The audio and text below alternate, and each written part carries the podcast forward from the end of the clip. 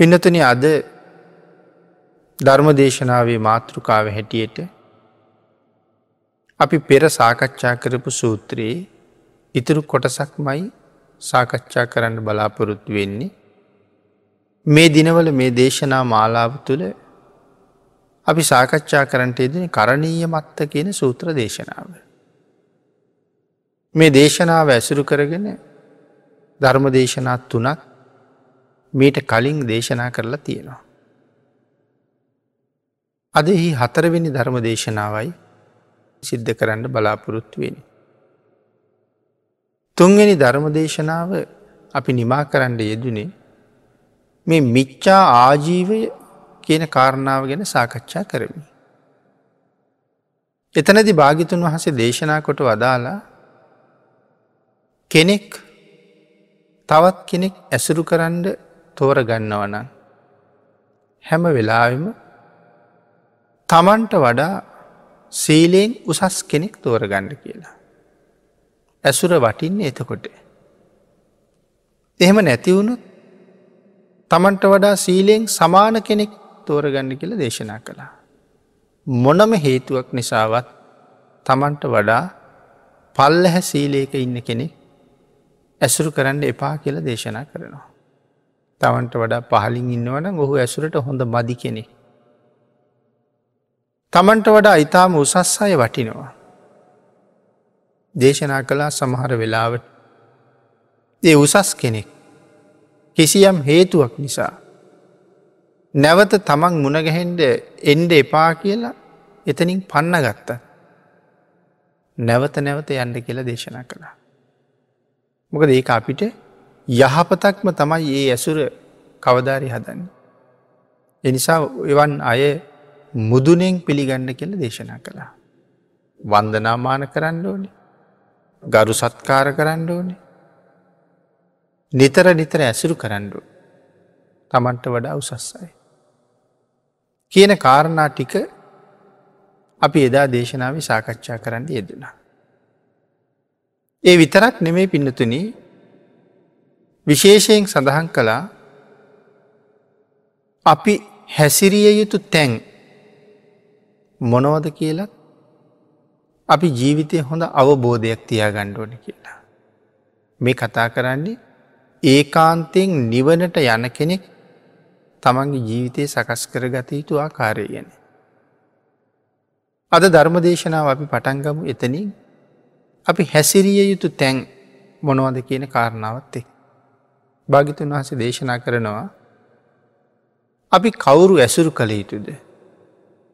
කා සමග හැසිරිය යුතුද.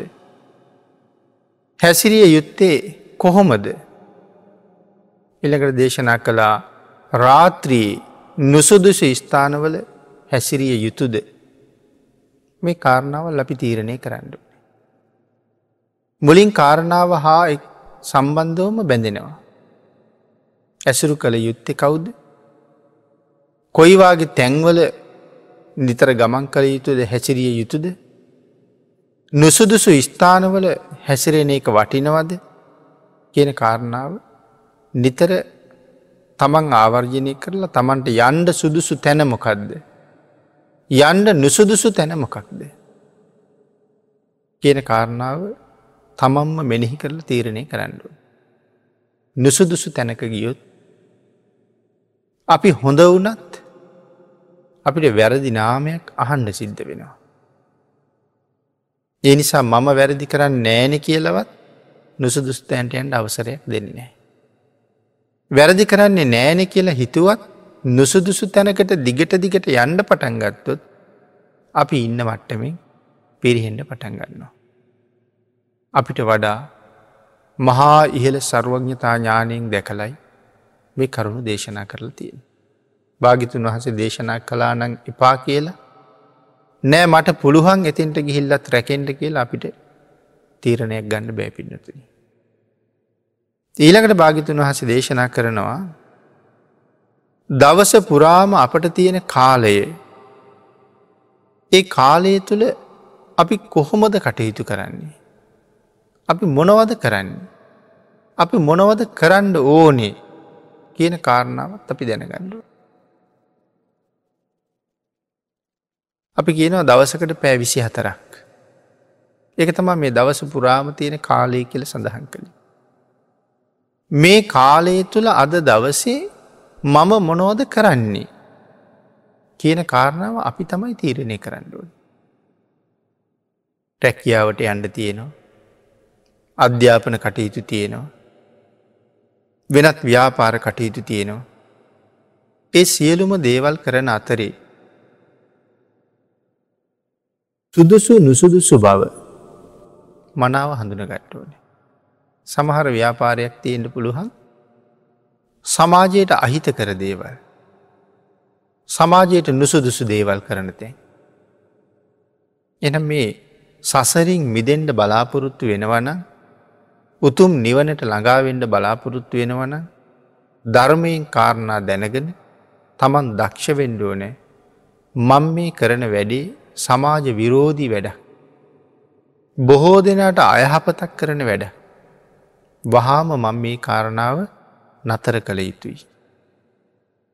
යහපත් කර්මාන්තයක යෙදෙන කෙනෙක් නමුත් මේ කටයුතු කරන අතරේ මං මගේ හිත කොහොම තියාගන්නවද.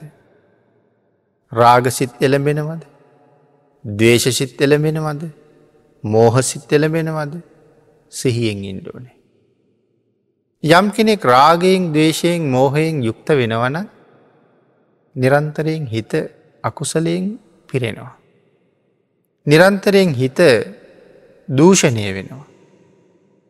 අකුසල් වලින් දූෂණය වෙච්ච සිතක් තියෙන කෙනෙ නිවන් මගේ හැම වෙලාවෙම ආපහු යන කෙනෙ.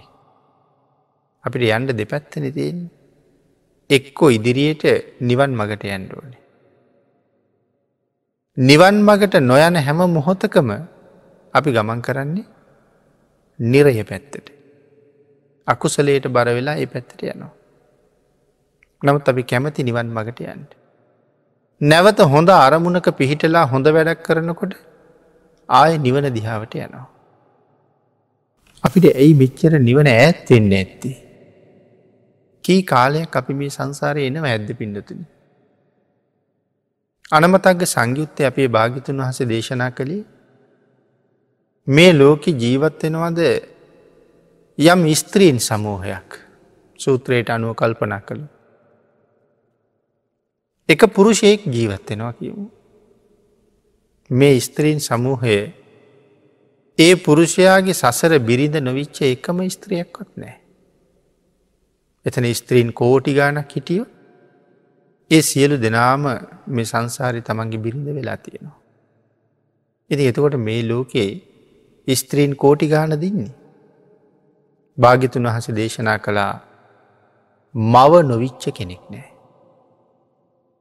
පියා නොවිච්ච කෙනෙක් නෑ. සහෝදරය සහෝදරිය නොවිච්ච කෙනෙක් නෑ. දරුවා දුව පුතා නොවිච්ච කෙනෙක් නෑ. ස්වාමයා බිරිඳ නොවන කෙනෙක් නෑ. මේ තැනැත්තිය මේ තැනැත්තා මට සංසාරි කවදාවත් මීට කලින් හම්බවෙලා නෑ කියල කියන්න අවස්ථාවත් කොහොමුවත් නෑ. එතකොට හිතල බලන්ටක එහෙනම් කොයි තරං දිග ගමන කපියනවද කියල. ශරීරයෙන් යම් දවසක කවුරු හරි බෙල්ල කපලා ගලාගෙන ගියානං ලේ භාගිතුන් වහස දේශනා කළේ මහමුහුදේ ජලය අඩුයි මම කියන පුද්ගලයාගේම මේ සංසාරය බෙල්ල කපලා එතනින් ගලාගෙන ගියපු රුදිරය සාගර ජලයට වඩා වැඩී කියලා. පිනතතින් සාගර ජලය කියල කියහම අපිට කොහෙ තේරෙන්න්නදේ ජලස්කන්දේ. එතකට ඔය දකින මහ ජලකඳට වඩා සංසාරය මගේ බෙල්ල කපල ලේ ගල්ල තියෙනවා කියලා හිතනකොට. අපි ඉපදිච්ච වාරගාන. ඇයි මෙච්චර වාරගානක් මේ සංසාරය අපි ගියේ ආවි. අපිට මේ මග කියල දෙන්න කවුරුවත් හම්බුණේ නැති හිදමද. ඇයි පිනිතුනි ලොවතුරා බුදුරු කොච්චර පහළ වුණාන්. අපේ භාගිතුන් වහන්සේ ලොවතුරා බුද්ධත්වය ලබන්ඩ වුවමනයි කියලා හිතපු කාලී. අම්මගේ ආශිරවාදයක් එක්ක. බුද්ධත්වය මතක් වෙලා ඒ සඳහා යෙදන කාලයේ මහාකල්ප අසංක්‍ය විස්සයි ලක්ෂය එකක්. ඔය කාලෙ මුණගැහෙන ලොවතුරා බුදුරජාණන් වහසලගේ ප්‍රමාණය පන්ලක්ෂ දොළොස්දස් විසි හතක්. එතකොට ඔය පන්ලක්ෂ දොළොස් දස් ගාන ඔබට මට මුණ ගැහුණේ නැද්ද. මුණ ගැහුණා. එති අපි තාම නිවන් දැක්ක නෑන. හේතුව තමයි අපි වැඩිපුර යන්නේ නිවන් මගේ ආපස්සට. ඒකයි මෙතන මේ දවසක් ගැන කතා කළේ. එක දවසක් අරගෙන කල්පනා කරහම ඒ දවස තුළ වැඩියෙන් අපි ගියේ නිවන පැත්තටද එහමනැත්තං නිරේ පැත්තටද කියලා කල්පනා කරලා බලුව හම අපිට ඕක හොඳට තේරෙනවා. පින්කමක් කළුත් බනක් ඇහුවත් භාවනාවක් කළු පැෑ විසි හතරෙන් පැෑ කීය ද අපි ඒක කළේ කියල හිතමුකෝ. සමහට දවසට පෑ දෙකක් බනාහනවා. පෑ විසි දෙකක්ම රාග දේශ මෝහත් එක් අපි ගැටෙනවා. එතකොට දවස් දෙකක් ගිය. පෑ හතලිස් අටෙන් පෑ හතරක් අපි පින් කරලා තියෙනවා. ඊයේ පෑ දෙකයි අද පෑ දෙකයි. පෑ හතලිස් හතරක් අපි සංසාරි පැත්තට ගිහිල්ල තියෙනවා පෑ හතරක් නිරේ පැත්තට ගිහිල්ල තියෙනවා. එතට වැඩි කාලයක් ගිහිල්ල තියෙන සසර පැත්තට. එති එතකොට ඒක නිසානි අපි මේ තව යන්නේ. ආං ඒක නිසයි මෙතන සඳහන් කළේ තමන් කළ යුත්තේ මොකක්ද නොකළ යුත්තේ මොකක්ද. ජීවිතයට ළඟා කළ ගත යුත්තේ මොනවද ජීවිතයෙන් බැහැර කළ යුත්තේ මොනවද. ආං ඒ කාරණාව තීරණය කරලා අකුසලයෙන් ඈත්වෙලා කුසලයෙන් ජීවිතය පෝෂණය කරන්න අපි දක්ෂවෙන්ඩෝනේ. කුසල් අකුසල් හඳුනගෙන කළ යුතු නොකළ යුතු දේවල් හඳුනගෙන අකුසලයෙන් ඈත්වෙලා නොකළ යුතු දේ අත්හැරලා කුසලයේ යෙදිල කළ යුත්ත මත කටයුතු කරන්න අපිට දක්ෂ බවක් තියෙන්ට ඕනේ. පිනතුන අපි කළ යුතු දේ මනාව දැනගණ්ඩ තියෙන දක්ෂභාවයට තමයි මේ කරණීය මත්ත සූත්‍රයෙන් සඳහන් කළේ සක්කෝ කියලා. ඔට මතක ඇතිහෙම වචන ඇත්තියෙනවා. සක්කෝ උජූච සූජූචේ කියලපි සඳහන් කරන්න. එ මේ සක්කෝ කියල කියන මොකක්ද. කළ යුතු නොකොළ යුතු දේ හඳුන ගණ්ඩ තියෙන දක්ෂ භාවයට කියනවා සක්කෝ කියලා. ඉන් පසුව අපි තෝරගත්ත මග හොඳයි කියලා හිතන දේ සාර්ථක කරගණ්ඩ ඊටත් වඩා දක්ෂ බව තියෙන්ට. මේ ක්‍රමය හොඳයි මේ විදිහ හොඳයි අපි තීරණි කරනවා. දැක සාර්ථක කරගණ්ඩත් ඕනෙන. අපි කියමු අපි තීරණය කරනවා පන්සිල් ආරක්ෂා කරන්න ඕනෑ.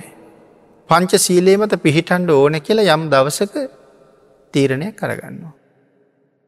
පිට තීරණයක් අරගත්ත පලියට අපි පන්සිල් රැකෙන් නෑන. එනම් ඒ පන්සිල් ආරක්ෂා කරන්න අපි එතන ඉදල කටයුතු කරන්න ඕනේ. ඒකයි මෙතන සඳහන් කළේ ඒ ක්‍රමය සාර්ථක කරගණ්ඩ ඊට වඩා වෙහෙසෙන්ට ඕන කුසල් අකුසල් හඳුනගණ්ඩ යම්සේ වෙහෙසුනාද ඊට වඩා වෙහෙසෙන්ඩ ඕනෑ ඒ කුසලය මත පෑ විසි හතරම යෙදෙන්ට එක සාර්ථක කරගන්නඩ.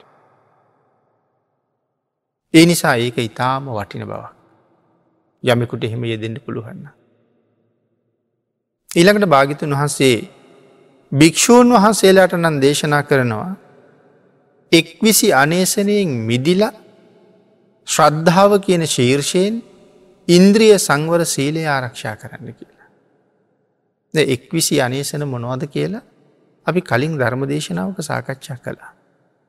භික්‍ෂූන් වහන්සේලා විසින් නොකළ යුතු දේවල් විසි එකක් භාගිතුන් වහස දේශනා කළා. තමන්ගේ ජීවිකාව වෙනුවෙන් නොකළ යුතු කරුණු විසි එකක් දේශනා කරලා තියෙනවා. ඒකට ගෙන එක් විසි අනේසනය කියලා.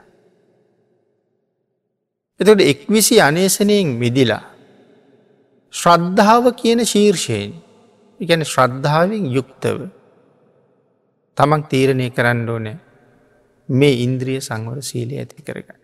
ශ්‍රද්ධාව තියෙනවනක් තමයි ඉන්ද්‍රිය සංවර සීලය ඇති කරගන්න. මොකක්ද ඉන්ද්‍රිය සංවර සීලය කියල කිවි. තමන්ගේ කයින් කරන යම් අකුසලයක් තියෙනවන. ඒ අකුසලයෙන් මිදෙනෙ. ඉන්ද්‍රිය සංවර කර ගැනීම. තර මොනවද කයින් කරන අකුසල් ප්‍රාණගාත අදත්තාදාන කාම මිත්‍යාචාර කයින් කරපු වැරදි.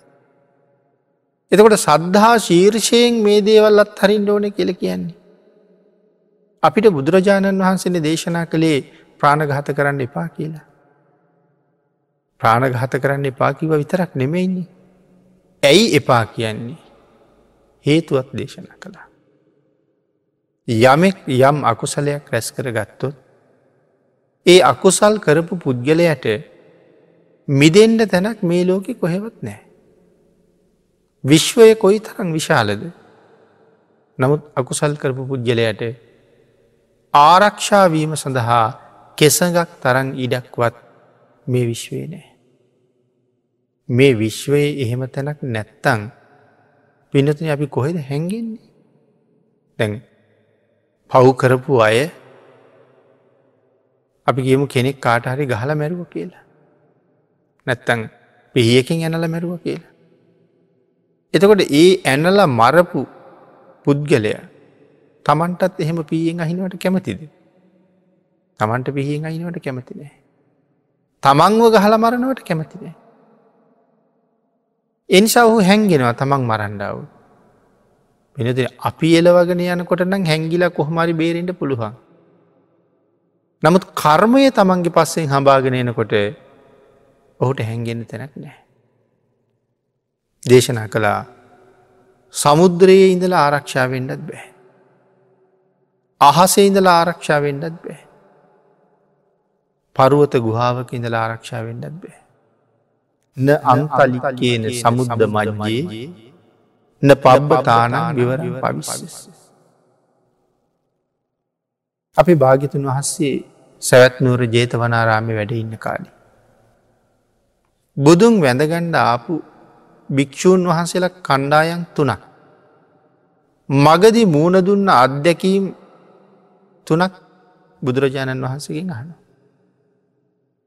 එක භික්‍ෂූන් වහසල කණ්ඩායම දානයට නතර වෙලා ඉන්නකොට දානය උයන ගෙදර තෙල් චාත්තියට ගිනිගත්තා.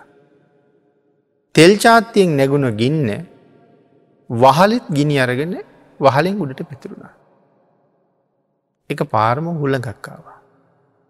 අහල තිබ රොඩු ගොඩ ඒ හුළගේ පාවෙල ඇවිල්ල අර ගින්නට අහු වෙලා ගිනි අරගෙන ගින්දර සහිතව රොඩුගොඩ දැන් අහසි පාවෙනවා.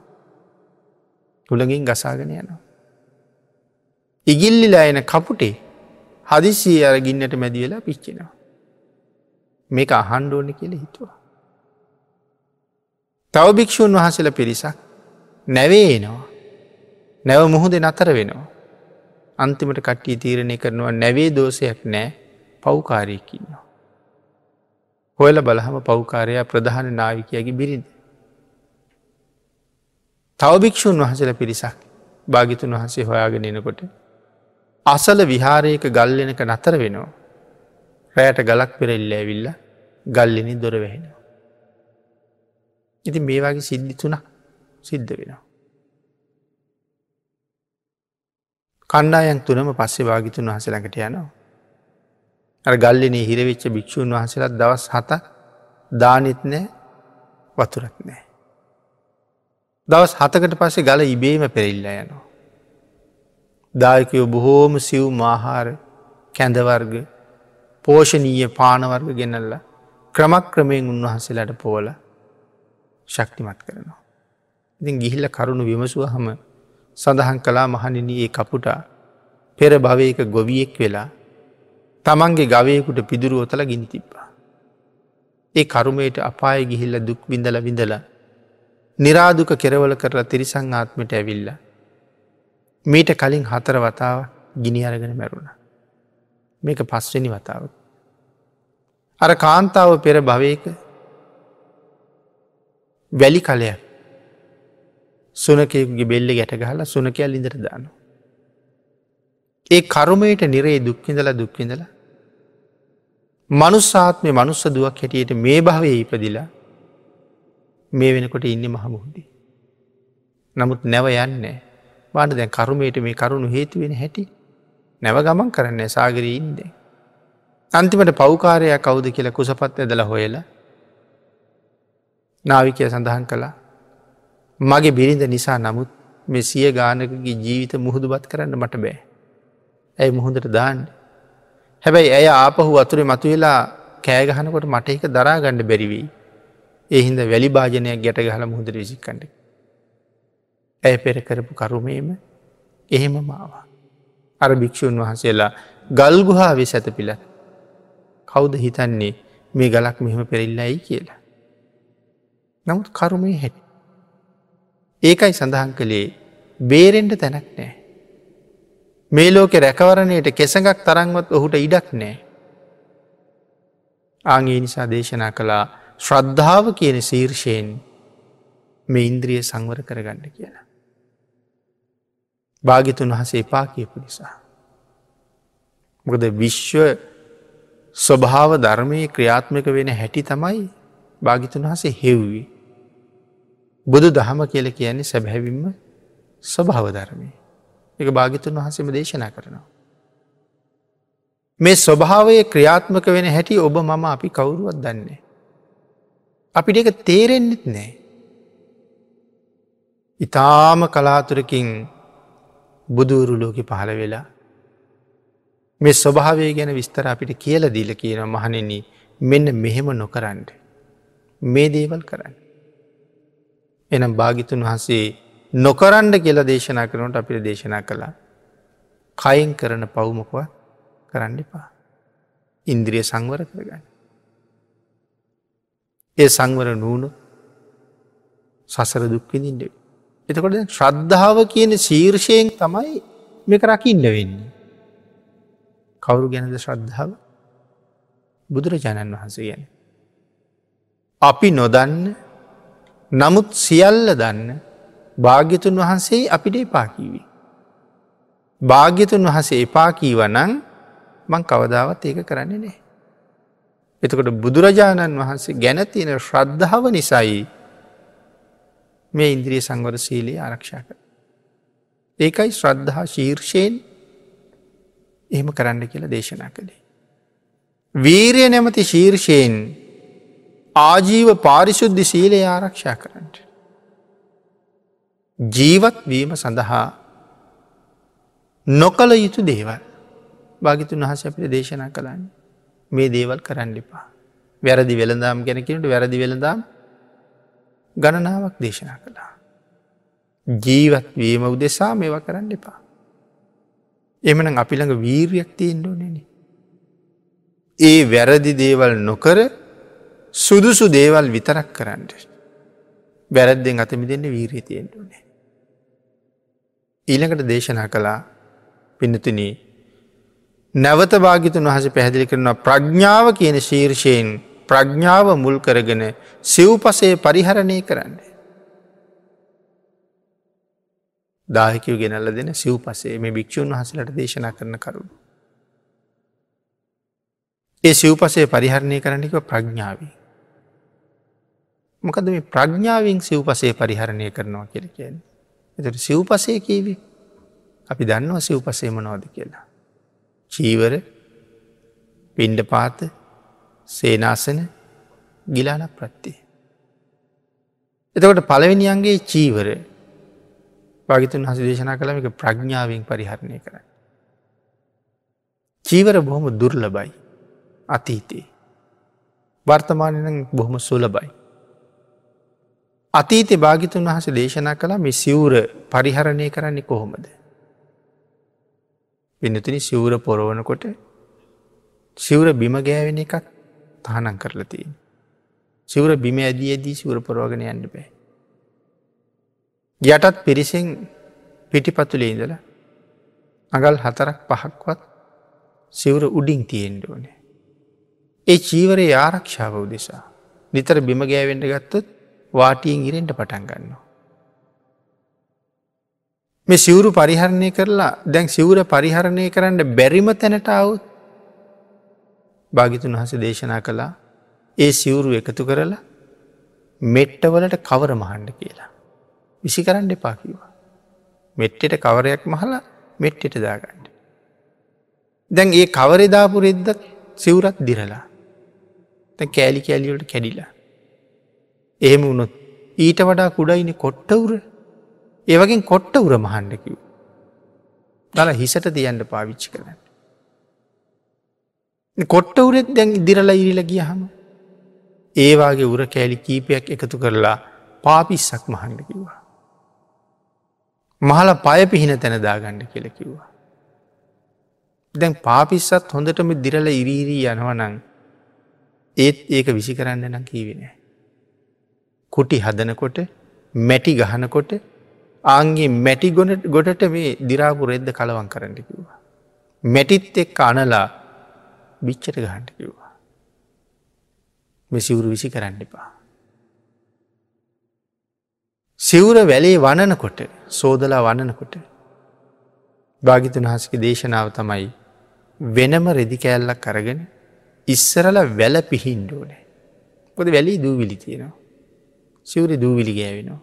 ඉද වැල පිහින්ඩෝන රෙදි කෑල්ල. ඊට පස්සෙ තමයි සිවුර වනන්ඩෝනි. තැන් බාන්න චීවරයේ පිළිබඳව භාගිතුන් වහස පෙන්නලා තියෙන කරුණ. ශික්ෂාපද කොච්චරක් තියනොද චීවරය ගැන. ගිහි අයට වගේ හිතෙන හිතන වෙලාවට වස්ත්‍ර මාරු කරන්න භාගිතුන් වහස අනුමත කළේ නෑ. එ මාරු කරන්න වස්ත්‍ර නෑ. තුන් සිවුරයි අනුමත කළේ. තනිපොට සිවුරයි දෙපොට සිවුරයි අඳන සිවුරයි. කෝකටත් මේ තුන්න තම පවිච්චි කරන්න. එහින්ද එක පරිස්සං කර ගණ්ඩුවනේ. චීවරය පිළිබඳව තව ශික්ෂාපද බොහෝමයක් තියෙනවා පිඩතුනි. ඒකයි මෙතන සඳහන් කළේ ප්‍රඥාව කියන ශීර්ෂය මුල් කරගෙන සිව්පසේ පරිහරණය කරන්න කියලා. ඉදේතෝට මේ චීවරය ගැන විතරයි කරුණු සඳහන් කළේ. පින්ඩ පාත ගැනත් ඒ විදිහටම කරුණු දේශනා කළා. දායකයෝ ගෙනල්ල දානි දුන්නහම ඒක මේ කයලොකු කරගන්න වලඳන්න එපා කිවා.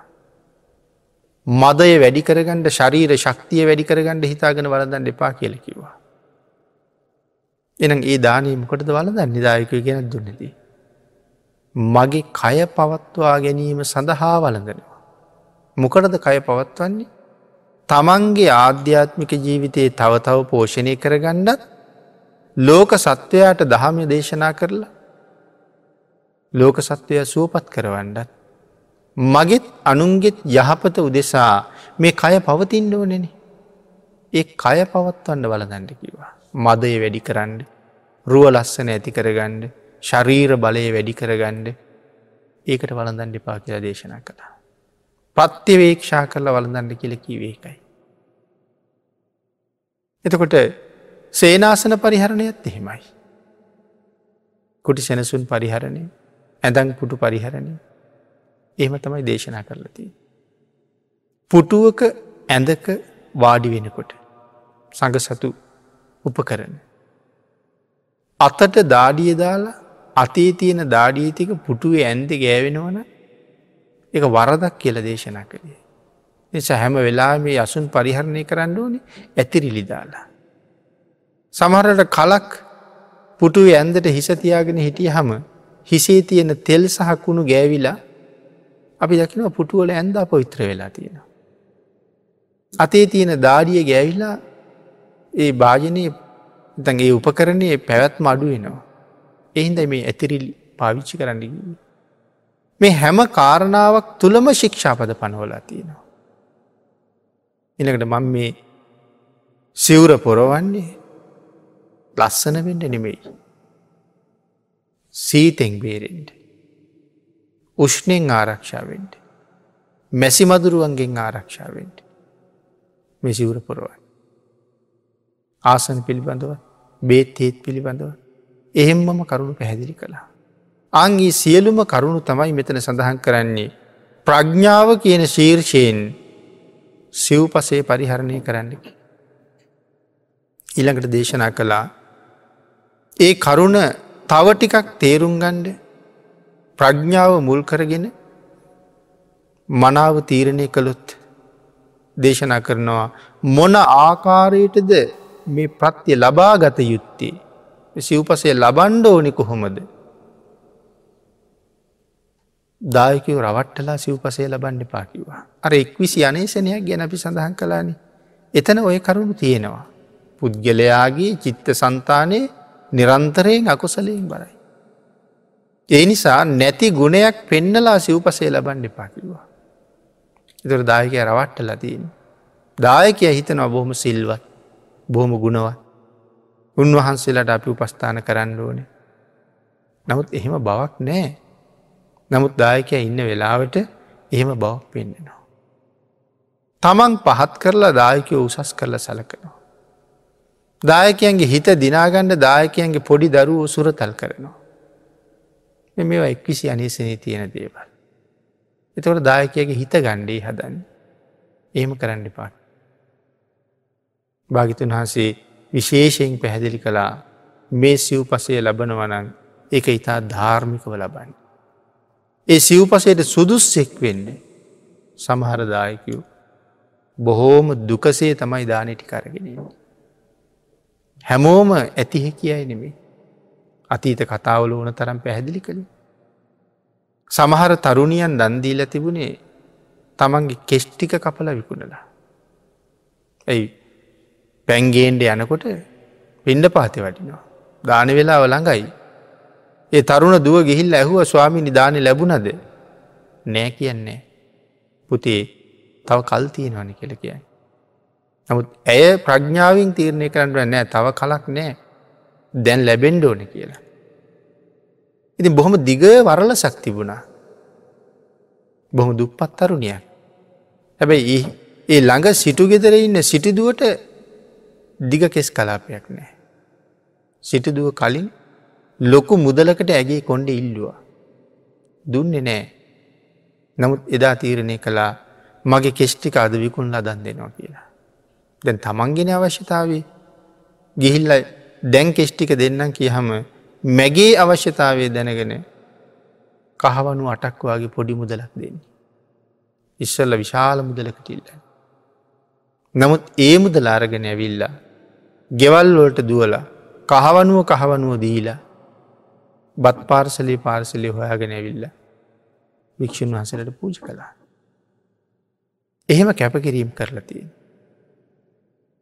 අර ධර්මයක තැනක සඳහන් කරනවා එක අම්ම කෙනෙක්. තමන්ගේ දුවට කියනවා දුවේ උබේ සහෝදරයන් වහන්සේ අද දවල්ට පිණ්ඩ පාති වැඩී.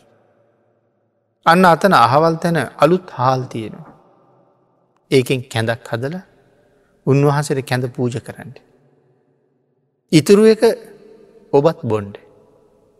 එතකොට ඇය අහනවා එතකොට අම්මට සඳහන් කරන දුවේ මම හීල් බට්ටිකක් තිබිල කෑවා. මට ඒත් ඇයි වැඩට යනවා. ඒ අර ස්වාමීන් වහසට ඇහෙනවා. එ ළඟ ඉහල කල්ගු හවකුන් වහස වැඩඉන්නේ. ඇයි තීරණය කරනා මහලු උපාසිකාව පරණ ආහාර අනුභව කරලා වැඩට ගියා. නමුත් දුවට කිව්වා මට අලුත් හාල්ලොලින් කැඳක් හතල පූජ කරන්න කියලා. උන්වහස තීරණය කළා ඒ දානි මං අද වලදන්නේ සසරින් විදිලමයි. මේ පාත්තරි තරන් එලියට එන්ට හදනකොට කතාවයහුණ. නැවත පාත්තරය අරන් කුටියට ගිහිල්ලා උන්වහසේ විදර්ශනාව වඩලා රහත් වෙලා තමයි ඒ ගෙදරට වැඩිය. හැම දාම එහෙන් දානවලඳපු නිසා තමයි කියන්නේ උඹේ සහෝදරය අදත්තේ කියලා. ඇර තරුණිය කැඳක් හදල පූජ කරනවා. නමුත් අම්මාවට පස්සෙ කියනවා අම්මි අද අපේ ස්වාමීන් වහසගේ මූුණ හරී පැහැබ. උන්වහසේ අද වෙනදට වඩා හරී ලස්සනයි. බංධානි පූජ කළා. මහළු කාන්තාවේලයකන් සඳහන් කරනවා දුවේ උඹේ සහෝදරය අද පැවිදි ජීවිතය බලාපොරොත්තු වනා නං යමක් ඒක උන්වහසේ මුදුම් පත් කරගන්න ඇති කියලා. ඉතින් ඒ වගේ නිසයි මෙතන මේ සඳහන් කරන්නේ. මේ සිව්පසේ ලබාගෙන පරිහරණය කළ යුත්තේ කොහොමද. එනම් වංචනිකව ලබාගෙන තමන් රසමසවුලින් යැපෙනවට වඩා දායකයට මහත් අර්ථයක් කරන්න ඕනේ. දෙන දායකයට මහත් වූ යහපතක් කරන්න ඕන. ඒ කරුණු තමයි පින්නතින මේ මේ විදිහට සඳහන් කරලා තියෙන සාකච්ඡා කරහම තව බොහෝම ගැඹුරු දීර්ඝ කාරණ මේක වචනයක් ඇතුළි තියෙනවා. මේ කරණීය මත්ත සූත්‍රයේ ඒ තරම්ම දිගයි. අපට දීන්නේ ගාථා දහයයි පොතේ. නමුත් කරණීය මත්ත සූත්‍රය කියල කියන්නේ බනවර දෙසිය විස්ස. ඒ බනවර දෙසිය විස්සක් තරං දීර්ග මේ සූත්‍ර දේශනාව. හරියටම ඉගෙන ගත්ත නිසා තමයි එදා භික්‍ෂූන් වහසල රහත්තුනි. එදා ගිහි අයි මේකෙන් මහ පල ලැබුයි. නවත් අපි ගාථා දහයි විතරක් කියෝලා අර්ථය හොයන් නැති නිසා එදා මේ සූත්‍රයෙන් මගඵල ලබාපු උතුම හිටියට අපිට මගඵල ලැබෙන් නැත්තේ ඒකයි. ඒ වචනයක් වචනයක් ගාන ඇතුළි තියෙන අර්ථය අරගෙන ජීවිතයට ගලප ගණ්ඩුවනේ. එතකොට ඒ අපිට දැනින්. භාගිතන් වහස දේශනා කරනවා. මේ ලබාගන්නා වූ සිව් පසේ මොන විදිහටද පරිහරණය කරන්න. කොයි විදිහටද පරිහරණය කළ යුත්තේ පරිහරණයෙන් පසුව නැවතය ආවර්ජනය කළ යුත්තෙ කෙසේද. දානය වලඳලා මිසිවුරු පොරවලා එක නැවත ආවර්ජනය කරන්න කිවා. ඉළකට දේශනා කරනවා මෙන්න මේ දේවල් වලට මොනවද කියන්නේ අත්ත කුසල කියලා. කරණීය මත්ත කුසලේන. කරණීය මෙත්ත කුසලේන නෙමේ එමකිවොත් වැරදි සූත්‍රයේ.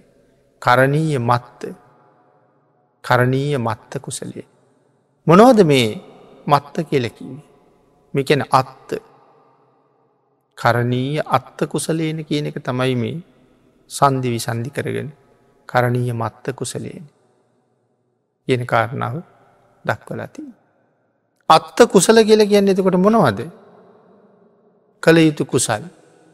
කරණීය කැන කළ යුතු කුසල්. කරණීය මත්ත කුසලිය. දේශනා කළා ආම්ලික වූ ලවන අධික ජලය. ආම්ලික කියලකෙන ඇඹුල් ගතය සහ ලුණුගතිය සහිත ජලයක් පාවිච්චි කරලා අපේ වස්ත්‍ර හොඳට පිරිසිදු කරන්න පුළුවන්. ඒ වගේම කන්නාඩිය අපිරිසිදුන අලුවාගේ දේවල් යොදල මැදල ඒ කන්නාඩිය පිරිසිදු කරන්න පුළුවන්. අලු යොදා ගැනීම. ඊළඟට දේශනා කළා රත්තර උදුනට දාලා රත් කරල පිරිසිදු රත්තරන්ටි කරගන්න පුළුවන්. අං ඒවාගේ තමයි මේ ආම්ලික සහ ලවනාධික ජලයක් යොදලා වස්ත්‍රයේ පිරිසිදු කරනවා. අලු වගේ දේවල් යොදලා කැඩපත පිරිසිදු කරනවා. රත්තරං උදුනේ බහා රත් කරලා පිරිසිදු රත්තරං තෝරගන්නවා වගේ තමන්ගේ සීලයේ පිරිසිදු කරගණ්ඩ හැම වෙලාම සීලේ ගැන මෙනෙහි කරන්න කියලා. අද දවස තුළ කොයි මොහොතේ මගේ සීලයේ කැඩුනද කොතන හරි සීලයට පළුද්දක් වුණාද කියන කාරණාව නිතර නිතරම මෙනෙහි කරන්න කිව්වා. උදේට දවල්ට රෑට ආං එහෙම කාලයක් තිස්සේ මෙනෙහි කරලා මෙනෙහි කරලා පළුද්දක් දැක්ක නැතිකොට දීර්ඝ කාලයක් ගිහම කොච්චර සතුටුද මෙච්චර කාලයක් මගේ සීලයේ පළුද්දක් නැන්නේ. බොහෝම සතුටුයි. ආංගේ සතුට කවදාවත් දුගතිය හෙලන්නේ. එන පන්සිල් රැක්කත් නිතරෝක මෙනෙහි කරන්න පුළුවන්. දවසේ වැඩි කාලයක් ගත කරන කාලී තුළ මගේ පන්සිල් පද ටික කොතනදි බිඳු නද කියන කාරණාව හෝ ආවර්ජනය කරමින් ඒ සීලයේ නිර්මලව ආරක්ෂා කරගණ්ඩ කටයුතු කරන්න අපි හැමෝටම පුළුවන්. පිනතන කරණීය මත්ත සූත්‍ර දේශනාව ඇසුරු කරගෙන සිදුකරපු හතරවෙනි ධර්ම දේශනාව අපි අද මේ විදිහිට නිමා කරමු. ඊළඟ ධර්ම දේශනාවෙන් තව කරුණු ටිකක් සාකච්ඡා කිරීමේ බලාපොරොත්තු ඇතුව.